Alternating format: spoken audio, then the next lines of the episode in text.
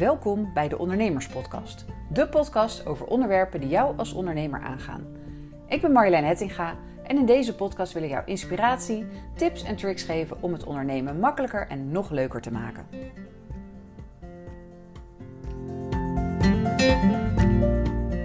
Ik heb vandaag weer een hele leuke gast in de podcast en uh, ik kijk hier erg naar uit naar dit gesprek.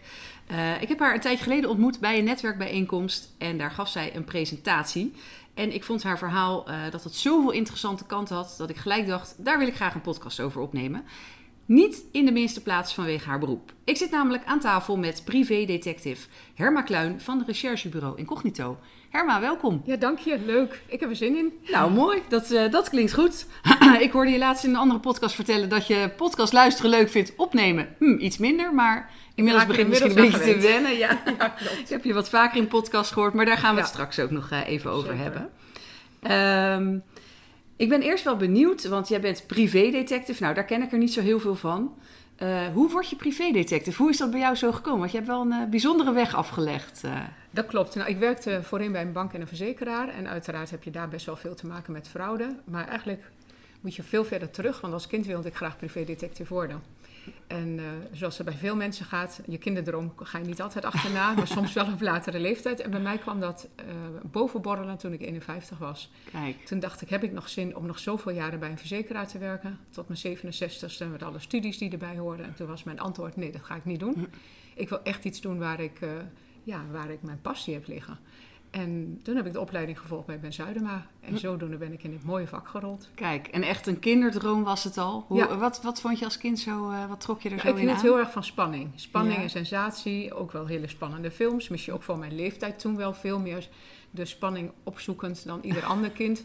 Ik vond het bijvoorbeeld ook nooit eng om alleen in huis te zijn. Wij woonden heel afgelegen. Mijn broer en zus waren veel angstiger.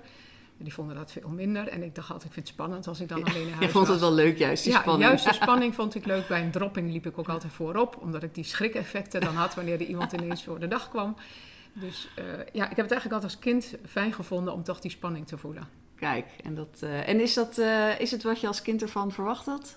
Het is een heel ander vak. Ja. Want uh, privédetective, net zoals in films, wordt enorm geromantiseerd. En vooral nu ik het boek aan het schrijven ben over mijn vak, wordt er vaak gezegd: Oh, dat wordt vast een heel spannend boek. Het is niet altijd alleen maar spannend. Dus je bent de verwachting een beetje aan het temperen ja, voor je beetje, boek. Nou ja, dat niet zozeer. Maar uh, mensen denken dat het alleen maar ja. spannend is. Maar het zijn wel hele mooie oprechte verhalen. Die natuurlijk uh, ook in samenspraak met mijn cliënt zijn gemaakt. Uh, waarbij het soms ook hele schrijnende situaties uh, zijn en niet altijd alleen maar spannend. Ja, ja want uh, bij privédetective denken we mensen misschien dat jij vooral in camouflagekleding in de bosjes ligt met een camera met een telelens om mensen te betrappen. Ja, nou dat doe ik het minst lief. Ja. want overspelsituaties liever niet. Waarom niet? Vooral omdat je mensen ook achteraf moet confronteren dat je een observatie hebt gedaan. Nou ja, blijkt dat diegene niet is vreemd gegaan, dan moet die observatie Um, achteraf ook gemeld je moet het worden. altijd melden achteraf. Ja, je moet het altijd melden. Ja. Dus dat is best wel een hele lastige in verband met de wet en regelgeving. Ik vind het ook niet de leukste zaak. Het geeft eigenlijk altijd ellende. Ja. Of maar nou wel of niet waar blijft te zijn, blijkt te zijn, dan uh, het levert altijd gedoe op achteraf. Ja, achteraf zeker. Um, ja. En het is wel zo, het geeft uh, soms ook wel rust. Er zijn ook wel situaties waarbij ik de zaak wel aanneem, uiteraard. Um, en dan ook achteraf wel een hele tevreden klant heb gehad, omdat uiteindelijk zijn onderbuik of haar onderbuikgevoel wel klopte. Ja, ja.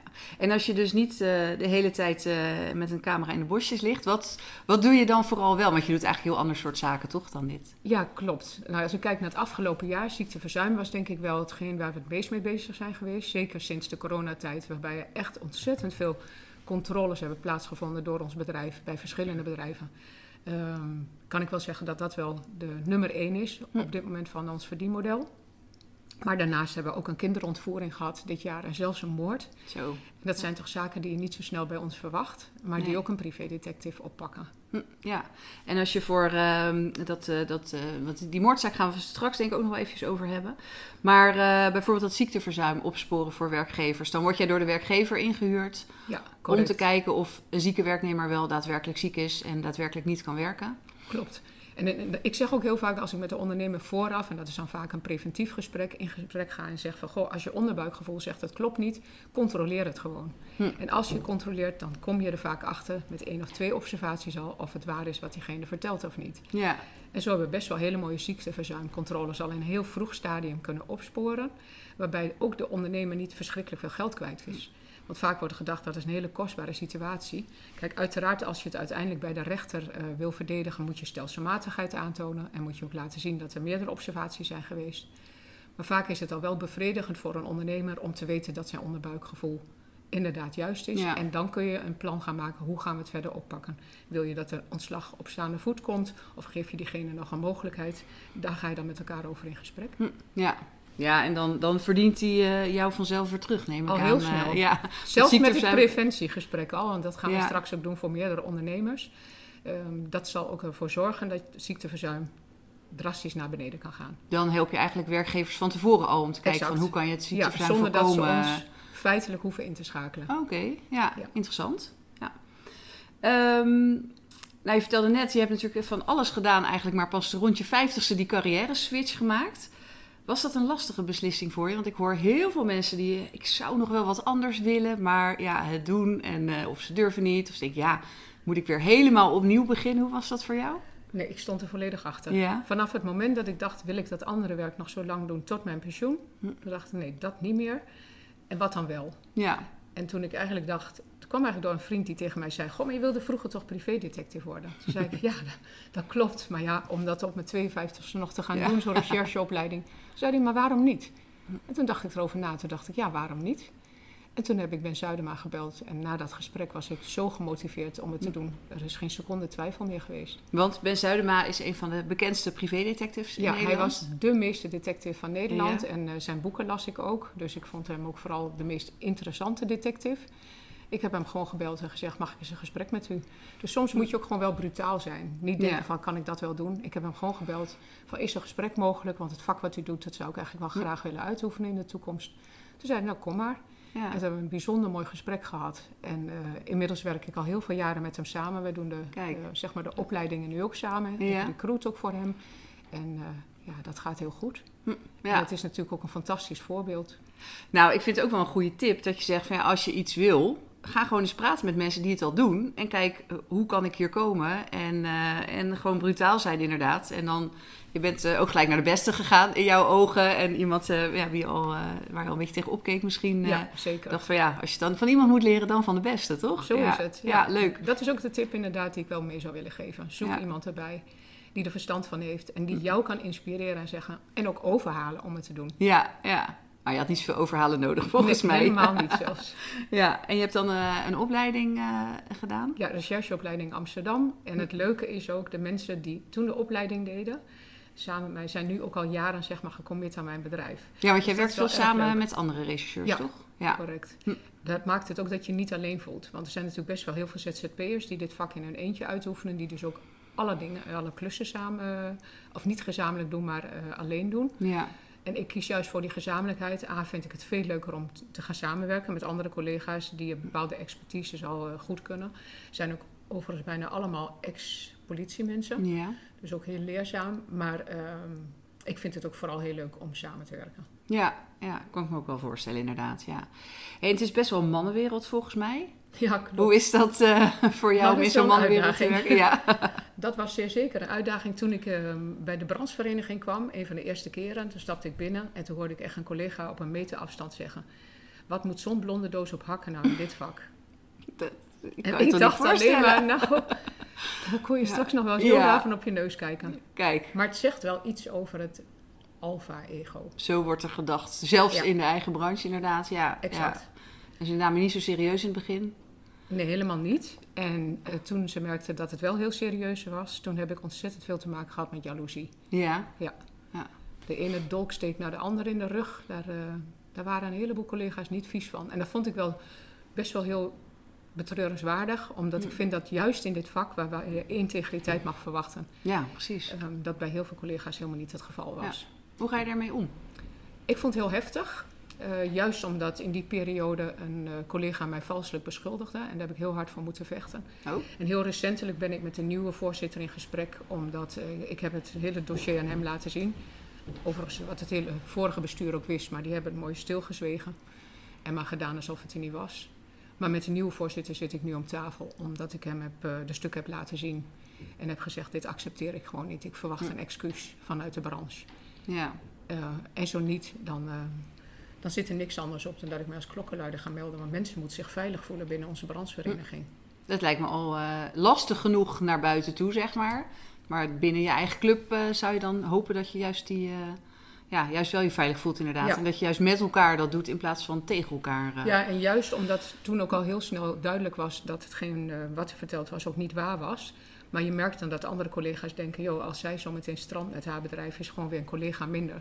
En daar waar je een beetje steun mag verwachten, zeer zeker als het Ja. dan ook nog eens gaat om waarheidvindingen, waar wij in ons, in ons vak voor moeten staan, ja, precies. vind ik dat best wel een hele heftige situatie als Ja. mensen dan niets liever hebben dan dat jij sneuvelt eh, met je bedrijf.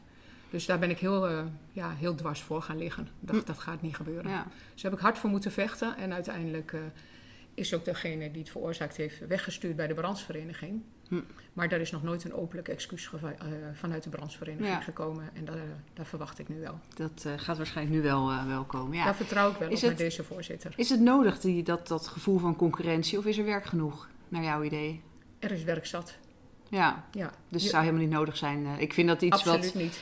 wat je vaak bij, überhaupt bij ondernemers nog wel eens merkt, dat concurrentiegevoel van je territorium willen afbakenen. Maar volgens mij is er bijna in elke branche werk zat. Je moet soms even goed je best doen om het te vinden. En dat is weer meer ja, aan de ondernemer, zeg maar. Zo is het. Eh, en wat dat betreft, eh, jij bent heel erg zichtbaar. Ja, Eh, jij, jij, nou ja, dat, ik, dat zou je misschien niet verwachten bij iemand die als privédetective... Die, je zou verwachten dat je een beetje onder de radar werkt. Maar jij, ja, jij zoekt het wel op. Je, je treedt op als spreker, je bent veel in de media. Nou, podcast-interviews, daar zeg je ook ja op. Ehm, hoe rijm je dat met jouw werk als, eh als privédetective? Nou ja, allereerst is het zo, daar komt ook de meeste jaloezie vandaan. Ja, Als we teruggaan naar wat er daarvoor gebeurde. Juist door de zichtbaarheid. Maar het is een keuze die je maakt. Je kan zeggen, ik ben niet zichtbaar, dan is het best lastig om werk te vinden. ja. Ehm, je kunt kiezen van, ik ben wel zichtbaar en die keuze heb ik inderdaad gemaakt. Hoewel het niet eens zo is dat ik overal op afga, maar de mensen komen naar mij. Ook bij de podcast, Ja. jij kwam naar mij. ja, precies. De pers komt naar mij. Ik ga niet actief de pers benaderen van, goh, willen jullie Hm. de aandacht op mij richten? Ik hoefde er eigenlijk vrij weinig voor te doen. Maar dat is vooral omdat ik een vreemde eend in de bij ben. Als jij mij ziet, zou jij niet verwachten dat ik een privédetective Nee, ben. precies. En dat is waarom ik ook opval binnen de groep. Hm. Ooit had ik een marketingtraining. Iemand zei: Zorg dat je het zwarte schaap in de wei bent. En dat ben ik ook. Ik Ja. begin mijn presentatie ook altijd met het zwarte schaap. En het eh, gevoel van rechtvaardigheid, wat ik heel belangrijk vind. Eh, soms moet je gewoon toch opvallende verschijning zijn, wil je in de branche opvallen. Nou, dat is me in ieder geval wel gelukt. Maar dat betekent ook dat je niet alles kan doen. Want net wat jij zegt, in ons vak sta je dus ook wel voor onzichtbaarheid. Dus kijk je bijvoorbeeld naar observaties, dan is het niet handig dat ze mij op een observatie zetten. Hoewel ik je kan vertellen dat ik echt wel fo- foto's aan jou zou kunnen laten zien waarbij jij me absoluut niet herkent Ja, eh, in een observatie. kijk. Eh, maar het zijn keuzes die je maakt. Kijk, maar daarvoor heb je een observatieteam. En in sommige observaties kan ik prima meedraaien. Maar altijd wel zorgen dat ik eh, goed gecamoufleerd ben. Ja. En niet, een, eh, niet zoals ik er nu uitzie, eh, Nee. een observatie ga doen. Nee, want jij, eh, jij doet zelf wel observaties Ja, nog. zeker. dat, Ja. eh, jij werkt echt wel ook gewoon mee. Het is niet alleen dat jij het werk binnenhaalt en aan jouw collega's verdeelt. Jij vindt dat zelf volgens mij veel te leuk. Zie je helemaal, Helemaal. gaan stralen als je het erover hebt. Ja, het hangt echt van de casus af. Maar alle observaties zijn over het algemeen wel erg leuk om te doen. ja, ja, en dan zit je ook gewoon hele dagen in een busje. Ja, dat vind ik super relaxed. Ja? ja, ik kan heel goed focussen. Dus ik kan echt rustig vier uur lang naar een voordeur kijken. Oh, echt? Maar die stilte en die rust om me heen, die vind ik ook heel fijn. Juist omdat je altijd in de, ja, je moet altijd in de actie. Ja, En het is ook wel heel relaxed om een observatie te doen. Wel die concentratie moet je hebben. Hm. En dat is natuurlijk best wel een ding. maar je hoeft maar met één ding goed. bezig te zijn. Ja, ik En, vind het heel ja, fijn, de stilte. En, eh, en toch ook heel snel en adequaat kunnen reageren als er iets gebeurt. Ja, kijk. Ja, gaaf hoor. Ik zie al aan je, volgens mij was dit een hele goede carrière switch eh, Ja, een aantal zeker. jaar geleden. Want je wordt er zo enthousiast van. Ja, het is echt leuk. Ja. Mooi vak. Ja, gaaf. Ehm, en je, nou, dat, dat, je zei van dit zichtbaar worden, dat is echt een keuze geweest. Is dat een keuze geweest om zo aan, eh, aan klanten te komen? Hoe kom jij aan jouw klanten? Nou, het merendeel Vooral toch via- wel via, via. social media Ja. en ehm, uit mijn eigen netwerk. Ik heb in het begin best wel heel veel inschrijvingen gedaan bij netwerkorganisaties. Eh, Business Open bijvoorbeeld, of MKB. Ehm, ik heb bij eh, Ladies First gezeten. Een aantal eh, mooie netwerken. Ehm, maar automatisch worden dat ook je ambassadeurs als je Ja. beter leren kennen. Hm. En ik vind dat soort organisaties dan ook heel fijn. Ik heb ook regelmatig een presentatie gegeven. BNI, ook een hele mooie organisatie. daar kennen wij elkaar inderdaad uh, van. Ja. ja. Um, dus ik vind het wel belangrijk dat mensen zich realiseren, zeker als je net begint als ondernemer, dat dergelijke netwerken je ook gewoon helpen met je business genereren. Hm. Ja, ja, mooi is dat inderdaad. Ja, dat, nou ja, voor mij werkt het ook. Uh, we hadden het in ons voorgesprek al even erover. Uh, dat netwerken volgens mij voor de meeste ondernemers gewoon een goed netwerk. Dat, ja, dat worden je ambassadeurs, zoals je zegt. En daar komen vaak je klanten vandaan. Um, net had je het over veel regisseurs met wie je werkt, dat zijn oud-politiemensen dat vind ik ook nog wel interessant. Want hoe zit dat met de verhouding met uh, zaken die je oppakt? Je had het over een kinderontvoering en een moordzaak. En daar is, in principe zou je denken dat de politie wordt daarvoor uh, ingeschakeld. Correct. Um, het is inderdaad bij een moordzaak niet gebruikelijk dat dat een privédetective doet. Hm. Alleen in dit geval gaat het om iemand die al veroordeeld is. Dus het politieonderzoek is al afgerond. Hm. En er is nog een mogelijkheid via een uh, cassatieadvocaat om zeg maar, de casus opnieuw te laten bekijken. En dat is wat wij hebben gedaan. Wij zijn door de familie ingehuurd om de moord te onderzoeken, omdat voor hen er enorme twijfel is. Zo niet, ehm, zij vinden dat het een uitsluiting is zelfs. Volgens hen heeft degene die veroordeeld is het ook echt niet gedaan. Nou, aan ons te beoordelen of dat wel of niet het geval is. En dat is natuurlijk best wel een uitdaging. En zeker, die opleiding heb ik niet gedaan. Ik heb geen opleiding bij de politie gevolgd. Maar ik heb natuurlijk wel een heel mooi netwerk met regisseurs die al wel aantal jaren aan mijn bedrijf zijn verbonden en een aantal die ik dus voor deze moordzaak ook heb aangetrokken aan mijn bedrijf. En dat zijn mensen die hebben jarenlange ervaring met moordzaken. Eentje heeft 27 jaar ervaring uh, bij de politie Den Haag, weer een ander bij de politie uh, Rotterdam en Utrecht. Zo heb ik zeg maar een heel mooi team samengesteld die veel ervaring hebben. Eentje heeft ook jarenlang bij het OM gewerkt. En het is dan belangrijk dat je vanuit allerlei invalshoeken kijkt of de zaak zoals die is beoordeeld ook de juiste manier beoordeeld is. Ja. En daarvan hebben wij gezegd, het stoplicht staat echt op oranje. Hm. Er is het kan alle kanten op. Van gereden twijfel. Ja. ja. Omdat, en dan kan ik niet inhoudelijk nog op de zaak ingaan, want hij loopt nu nog. We krijgen in januari de uitslag van. Maar het zou zomaar kunnen zijn dat hij onschuldig vastzit. Hm. En die man zit al vast, toch? Hij zit al vast, ja. Heeft uh, eh, 19 jaar gekregen. Zo, ja. En als je onschuldig vastzit en je krijgt 19 jaar, dan moet je er echt alles aan doen om te zorgen dat die man vrijkomt. Hm, ja.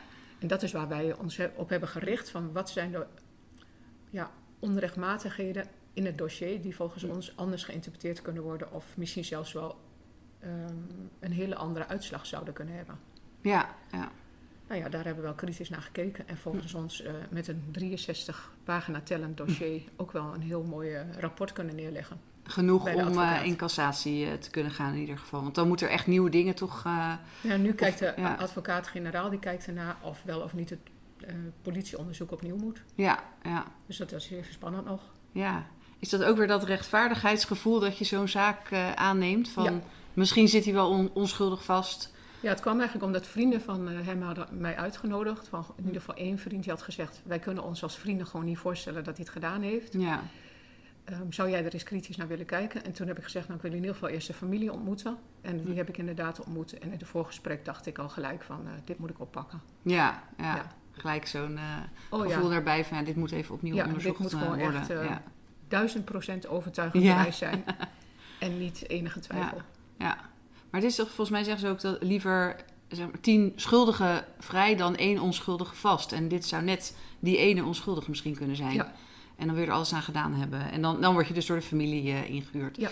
Heb je ook, is er ook wel eens een beetje wrijving dan met, eh, dat je met een politie... Uh, of Helemaal niet. Het mooie is, zij denken anders dan ik denk. Ja. En juist omdat wij met elkaar het onderzoek hebben gedaan... heb ik ze ook steeds scherp gehouden op um, kritische vragen, zoals ik het als blonde doos op hak beoordeel. Komt dat toch weer goed van pas? precies dat. maar mooi aan een soort lekeninzicht inderdaad. Uh... Ja, maar dat maakt het ook dat wanneer zij aannames doen, bijvoorbeeld die vanuit hun werk heel normaal zijn. Hm. Ik bijvoorbeeld zeg van ja, maar, maar is dat wel zo? Want ik kijk er zo naar. Zo zou je toch ook kunnen zou beoordelen of zo, ernaar kunnen kijken. En het is heel mooi hoe je dan met elkaar kunt sparren over een zaak. En elkaar op allerlei manieren ook kunt aanvullen. Hm. Ja. ja, dus ik heb dat als een voordeel ervaren. Ja, ja mooi hè. En zij ook, heb ik begrepen. Oké, ja. Gelukkig wel handig. Maar. Ja, ja, zeker. Ja. Ben je wel eens bang in dit werk? Het, ik zou niks voor mij zijn, want ik hou helemaal niet van spannende dingen. Maar ben je wel eens bang? Ik ben nooit bang. Nee? Nee. Ik heb nog geen situatie gehad waarbij ik echt diepe angst heb gehad. Het is hm. wel eens een spannend momentje geweest dat je denkt, hoe gaat dit uitpakken? Maar Ja. dat had dan meer te maken met een, eh, best wel een eh, fikse bedreiging. Maar echt bang, dat in de kern bang, ken ik gewoon niet van mezelf. Maar een Nee. fikse bedreiging, je hebt ook wel eens verteld dat je wel eens doodsbedreigingen hebt gehad. Dat Ja, vind ik klopt. best nog wel wat. Ja, dat was trouwens niet met mijn werk, maar twee keer in een privé-situatie. Dat vond ik veel heftiger dan de zaken Oh. Ja. die ik tot nu toe in mijn werk heb meegemaakt. Zo, Ja. ja. En dat was in een privé-situatie, was wel een hele beroerde situatie ook, want dat was in een familiaire sfeer. Ehm, en daar kan ik, ga ik inhoudelijk niet op in, maar Tuurlijk, ja. ehm, eh, daar heeft een familielid, is, eh, er is een poging tot moord gedaan bij een familielid. En dat is diegene niet gelukt. En die heeft vervolgens eh, de politie ingezijn dat ik de eerstvolgende zou zijn. Oh. Eh, ja. En dat is best wel een spannend Dat is wel heftig. moment geweest, Ja. correct. En ik ben door een klant heel ernstig bedreigd. Die werd verliefd op mij. Ik werkte toen bij een bank. En ik ging niet op zijn avances in. Eh, maar deze jongen was, bleek achteraf minder, ja, zeg maar, hoe zeg je dat, geestelijk eh, in de war. Ja, En daar kreeg de politie die jongen ook niet aan het verstand dat hetgeen wat hij deed echt niet kon. En daar ben ik uiteindelijk eh, zelfs, nou ja, een soort onder politiebewaking van mijn werkplek afgegaan. Heb ik heel lang met een werklop gelopen. En ben ik ook naar een andere locatie gebracht om daar voortaan mijn werk te kunnen doen. zo. Ja. ja. Dus er zijn wel situaties die ik me dus ook bij mijn stalkingsklant wel heel goed voor kan stellen. Hoe je angst kan krijgen voor een situatie. Ja, Maar als je dan echt zegt, ben je dan ook echt heel erg bang geweest? Kan ik ook zelfs bij die twee situaties me niet helemaal dat gevoel van angst herinneren in ieder geval. nee. Ik geloof ook niet dat ik echt heel erg bang ben geweest. nee. Moet je onbevreesd zijn in dit werk? Nee, denk ik Ik niet. kan me niet voorstellen dat Soms iedereen is zo stoer is juist ook jij. wel een soort nadeel dat je dat niet bent. Ja? Ik ben wel altijd op mijn hoede. Maar ik kan me ook wel voorstellen dat mensen wel bang zijn. En dat veroordeel ik ook helemaal niet. Maar Hm. ik ken dat enorm gevoel van angst ken ik gewoon niet bij Nee. mezelf. Nou ja, wel handig denk ik. Ja, Want zeker. je bent ook, mensen, het is alleen maar audio, maar je bent niet twee meter lang en twee meter breed, zeg maar. Dus ik kan me klopt. voorstellen dat, eh, ja, ja, eh, dat het goed is dat je redelijk onbevreesd in dit werk staat. Dat je goed is mannetje staat, eh, om het maar het is zo in te ieder geval zeggen. praktisch. Ja, zeker, zeker. Ja. En soms ook wel een heel groot voordeel hoor. Want laatst was ik met een collega die werd best wel flink geschoffeerd door iemand. Ehm, en dan verras ik mensen ook wel door er gewoon op af te stappen. Ik trok de Ja. portier van de auto open en ik heb die man echt helemaal, eh, nou ja, bijna de huid volgeschoren. Ehm, soms is het dan ook wel een voordeel dat je het gewoon doet. En iemand dan dat denkt, verwachten hey, ze niet dan, nee. even, dit had ik niet verwacht. Ja, Ja, ja, en dat je dan toch inderdaad eh, misschien op andere gedachten kan brengen op die ja manier. hoewel ik helemaal niet zo snel scheld, maar dit was zo'n onbeschofte iemand. En eh, ja, toen dacht ik, maar nu ben je voor mij vriend. Want Toen zo ga jij dat- het niet tegen mijn Ja. collega tekeer. Dat gevoel van rechtvaardigheid Ja. kwam er boven en toen kwam er een andere Herma tevoorschijn. Ja. Van- Vanuit mijn tenen. Ja, mooi nou. Ik kan me toch onderhand wel daar iets bij voorstellen. Ik ken je nou Ja. eh, een tijdje, maar... eh, Ja, ja, als het moet, dan kan ik het. Als het moet, inderdaad. Ja, geweldig. Ja. Hey, wat, ehm, welke zaak heeft het meeste indruk gemaakt op jou? Je hebt inmiddels ik denk wel een de moordzaak zeven... toch wel. En Ja. de vermissing van Elke Wevers. Ja. Die vond ik ook wel heel verdrietig. ja, daar heb je ook een, eh, een podcastserie heb je aan meegewerkt. eh, Ja. Die heb ik toevallig natuurlijk even als vooronderzoek ook geluisterd. Eh, kan je daar wat meer over vertellen? Ik werd daar ingeschakeld na een aantal jaren onderzoek van Ben Zuidema. En die zei, goh Herma, zou jij aan willen haken bij het onderzoek? Want je hebt een groot netwerk en jouw netwerk zou je eventueel ook kunnen gebruiken met de opsporing van de mogelijke dader. En daar heb ik uiteraard eh, mijn commitment aan gegeven, omdat ik het een hele mooie zaak vond, maar ook een hele verdrietige. Ja, want wat is daar eh, gebeurd? Kan je daar wat En, over nou, vertellen? elke is eh, verdwenen. In dit geval was het eigenlijk rond de kerst. Eh, net voor kerst zou ik moeten zeggen. Ja. Ehm, en dat is inmiddels alweer twaalf jaar geleden. Zij was de enige dochter van Elsa en René. En nu, al twaalf jaar verder, is ze nog steeds niet gevonden. Hm. En er is geen spoor van haar teruggevonden. Ze is op weg naar Echt? werk. eh, nou ja, Van ze zou naar de werk gaan. verdwenen. Ze heeft een bericht gestuurd. eh, het- ik ga het toch niet redden of iets van, nou, ik ga weer naar huis. Ja. En daarna heeft nooit meer iemand er gezien of gehoord. Echt van de aardbodem verdwenen. Ja, En dat is een zaak die mij zowel intrigeerde, maar die ik ook wel echt heel graag tot een goed einde wil brengen. En Ja. dat is ook omdat ik op een gegeven moment contact met de ouders kreeg. En juist als je het contact met de mensen krijgt, dan zie je ook het verdriet ja, van die mensen en dan raakt het je ook nog meer. En dan wil je er nog harder voor knokken om Ja. de waarheid boven wa- water te krijgen. want is in dat geval het politieonderzoek al afgelopen? Of hoe? Want jij bent Loopt nog door steeds. de ouders. Eigenlijk eh, formeel loopt het politieonderzoek ja. nog steeds. Ik heb ook contact met de politie in België hierover. Overigens zou je denken als je naar de podcast luistert dat ik geen goede verstandhouding met de politie heb. Want in die laatste eh, serie daarvan, of in ieder geval de laatste aflevering van de podcast, zijn ze best wel boos.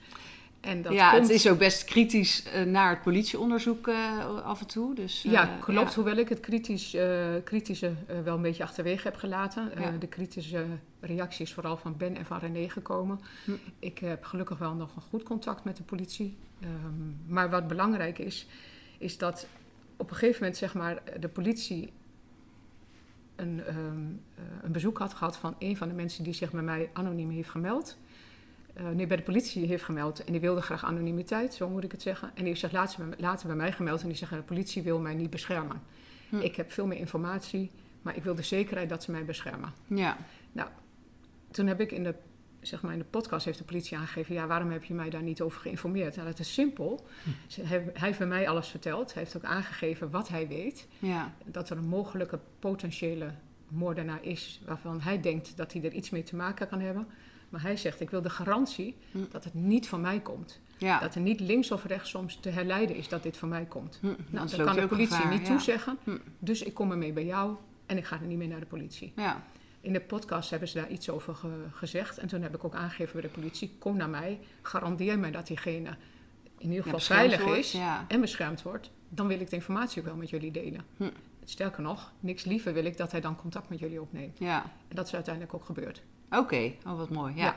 Dus, dat, dus die, die podcastserie die heeft wat, wat concrete tips of aanwijzingen opgeleverd. Ja. ja. Zeker. En zeker wat ook nog onderzocht wordt. En daarna is er ook nog een andere situatie geweest die ik hier zelfs in Den Haag heb meegemaakt. Dat is ook nog een lopend onderzoek met de politie en een mogelijke potentiële moordenaar. eh, die er ook mee iets mee te maken kan hebben. Dus uiteindelijk zie je ook dat dan zo'n podcast toch iets teweeg brengt. ja. En misschien zelfs uiteindelijk wel richting de dader leidt. Kijk, zie je dat ook als een, eh, eh, voor de toekomst een middel om meer van dit soort zaken Zeker. op te lossen? Want je, je hoort het eigenlijk steeds vaker. Toevallig Ja. vorig jaar een podcast geluisterd over een moordzaak in Leiden. Daar, daar kom ik vandaan, dus dat heeft dan iets meer mijn interesse eh, gewekt. Van, ook van jaren geleden, waar ze nu dan Ja. weer proberen. Is dat de balpenmoord?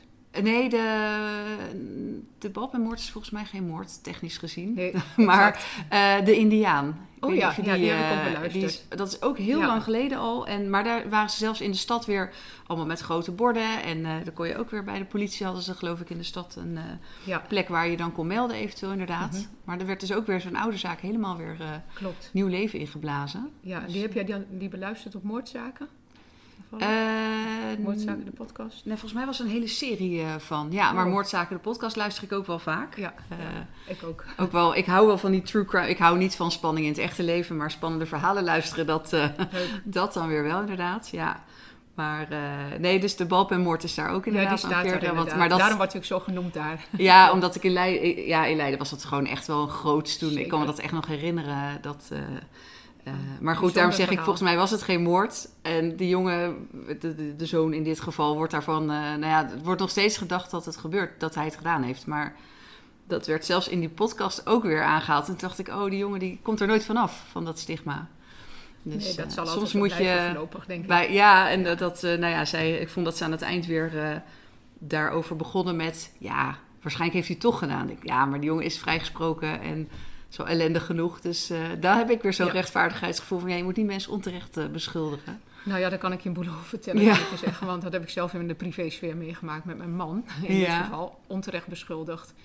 Heel groot artikel in de krant en vervolgens maar een mini-rectificatie. Ja. Maar je hebt gewoon daar jaren ellende van. ja, want ze onthouden alleen de grote krantenkoppen. Exact. En die rectificatie die, eh, staat nooit zo prominent nou ja, op de je vraagt je ook vooral af, ehm, en zeer zeker in dit geval bij deze krant, vraag je af wie heeft die onderzoek gedaan. Ja.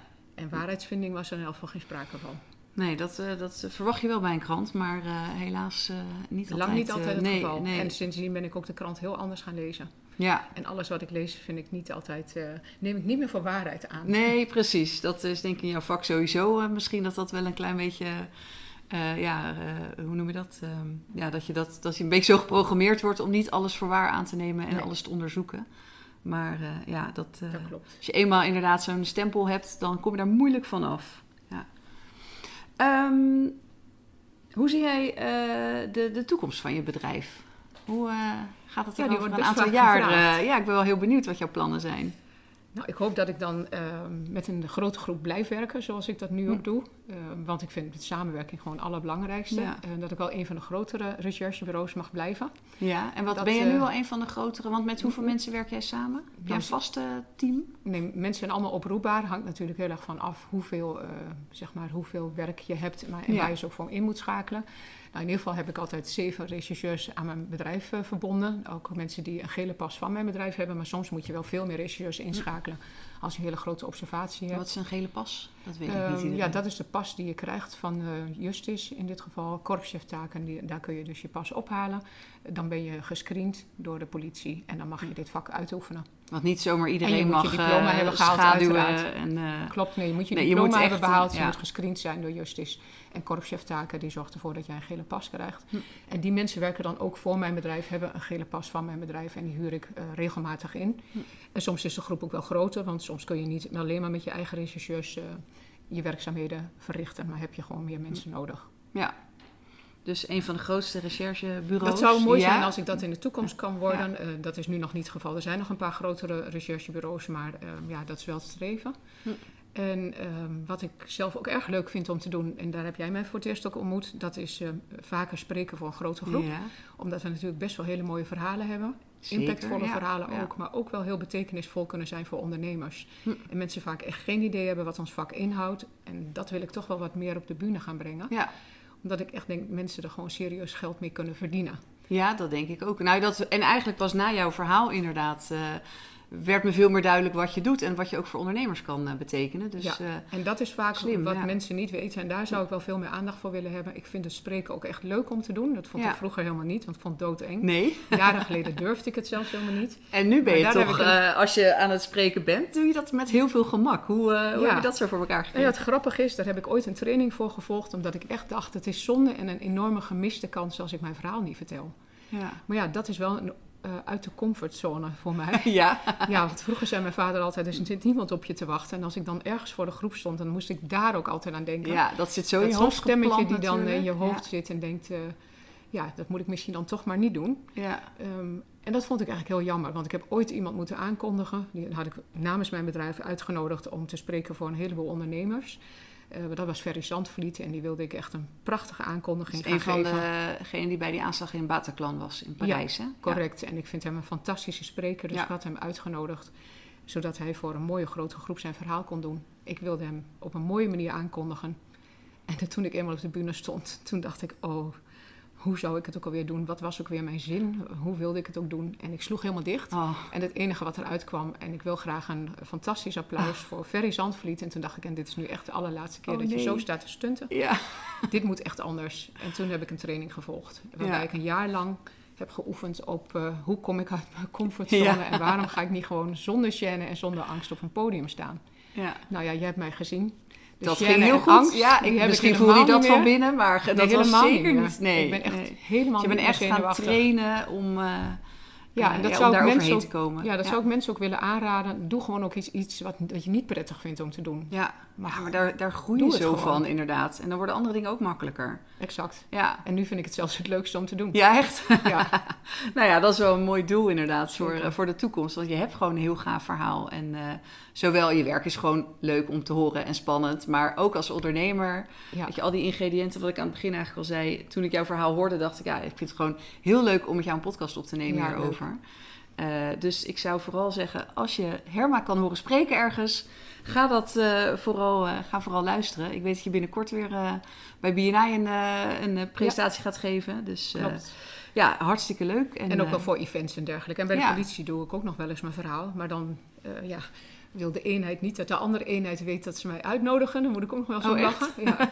Maar ehm, het kan ook heel betekenisvol zijn Ja. dat de politie weet wat wij doen, maar ook wat wij voor hen kunnen betekenen. Nou ja, dat je veel meer die samenwerking eh, kan krijgen. Ja. Want zo te horen is dat heel waardevol. Maar nou dat, ja, we eh, hebben zelfs een paar hele mooie samenwerkingen gehad die ook tot een behoorlijk succes hebben geleid. En dan denk ik, het is heel fijn als politie, eh, korpsen of in dit geval eenheden weten wat een particulier recherchebureau kan betekenen Ja. in de samenwerking. Ja, niet als En concurrentie minder zien juist, angstig voor die eh, publiek-private samenwerking. Ja, precies. Want je hoeft elkaar ja. namelijk helemaal niet in de wielen te rijden. Je kan elkaar heel behulpzaam zijn. Ja, top. Ja. Ja. Hey, en tot slot, eh, je noemde het er net al heel eventjes, maar je bent ook een boek aan het schrijven. Ja, Die moet volgens mij dit jaar uh, ja, die had in de winkels komen. Ja. Maar dat was echt een uitdaging met best wel een hectisch jaar, dus dat ging niet. Um, nu is de planning zeg maar oktober. En uh, ik ben op de helft. Het is een enorme klus naast je werk, kan ik je melden. Ik heb echt enorme bewondering ook gekregen voor schrijvers.